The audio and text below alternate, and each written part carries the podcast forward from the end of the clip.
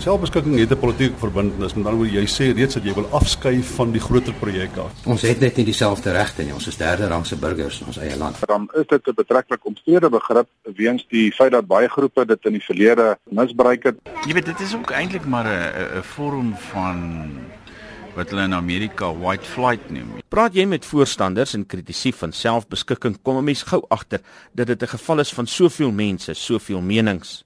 Maar Martin Geduld van die plaas Albert Spark in die Baviaanskloof verstaan dit net op een manier. Hulle sou al 'n tol hê koek soos ek verstaan dit. Ah, voor by die grondpad tussen die grond en die teer. Ah, wat die mense moet nou afswaai.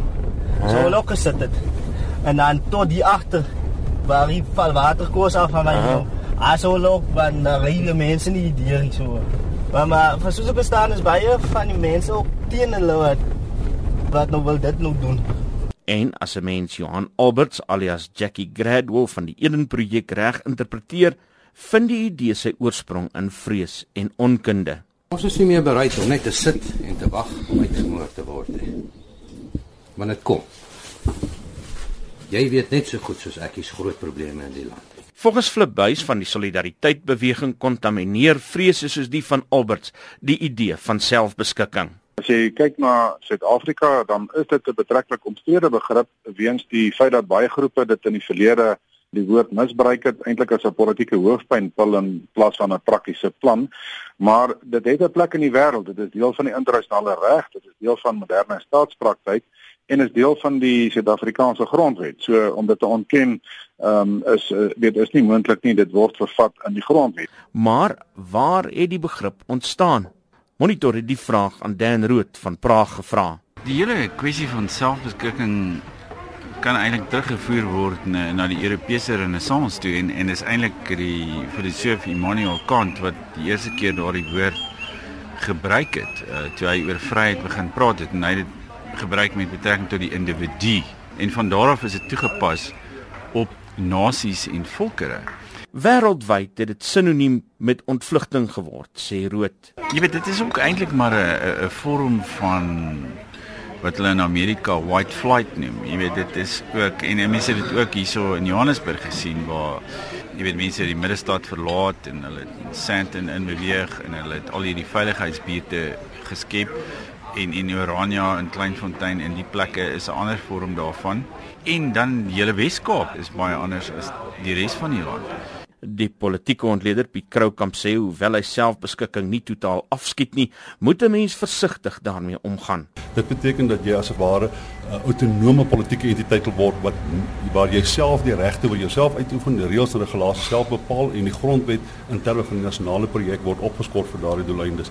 Dit is strydig wat ek dink is wat werklik in Suid-Afrika kan werk. By sê selfbeskikking moenie met rasisme gelykgestel word nie. So dit het absoluut niks met mekaar te doen nie. Dit is dit hang maar net af of 'n bepaalde groep uit rassistiese oorwegings uh hulle self bepaalde politieke model probeer toeëien. Selfbeskikking moet eerder in politieke ontevredenheid gevind word, sê Buys. Wanneer jy kry dat dit swak gaan in 'n land, wanneer mense sê man ons uh, regte in terme van die grondwet word nie erken nie, byvoorbeeld uh, Afrikaans, byvoorbeeld moedertaal onderrig wat op universiteite aangaan, wat met affirmative action gebeur, dan kry jy 'n reaksie. Weet en dit is maar 'n wêreldwye neiging. Wanneer mense voel dat hulle regte word ontken, dan kry jy 'n reaksie wat mense neig na iets soos minderheidsregte of selfbeskikking. Dan Rood sê Suid-Afrika is ideaal geskik om selfbeskikking te laat werk.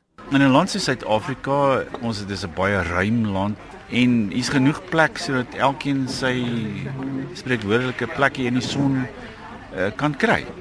Die probleem is net wie van die talle stemme se plan sou werk. Buismeen, hy het 'n antwoord.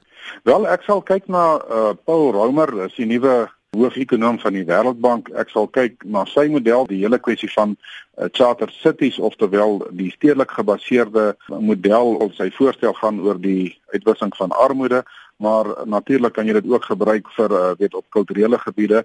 Prof Dan Creek, die vorige voormalige hoof van politieke wetenskap van Unisa, het 'n uh, hele paar jaar gelede het hy binne die grondwet 'n model uitgestipel om vir stede groter en groter weet selfstandigheid te gee. En dit is die model wat die mense op Orania probeer doen en ek dink dit is 'n praktiese idee, dis meer 'n stadsidee, dis nie meer daai ou volksstaat idees van ouds wat uh, wat eintlik die hele idee van selfbeskikking gediskrediteer het nie.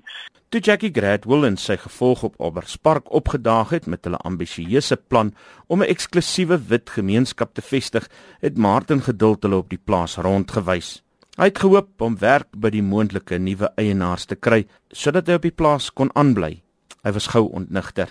En dit is meestal die probleem met selfbeskikking, sê Piet Kroukamp. Ongelukkig is dit sonder uitsondering omtrent so dat jy op 'n of ander manier iemand anders se regte gaan benadeel as jy 'n bepaalde spasie, operasionele spasie aan jouself toeëien waar jy 'n bepaalde kultuurhistoriese projek wil maak staan.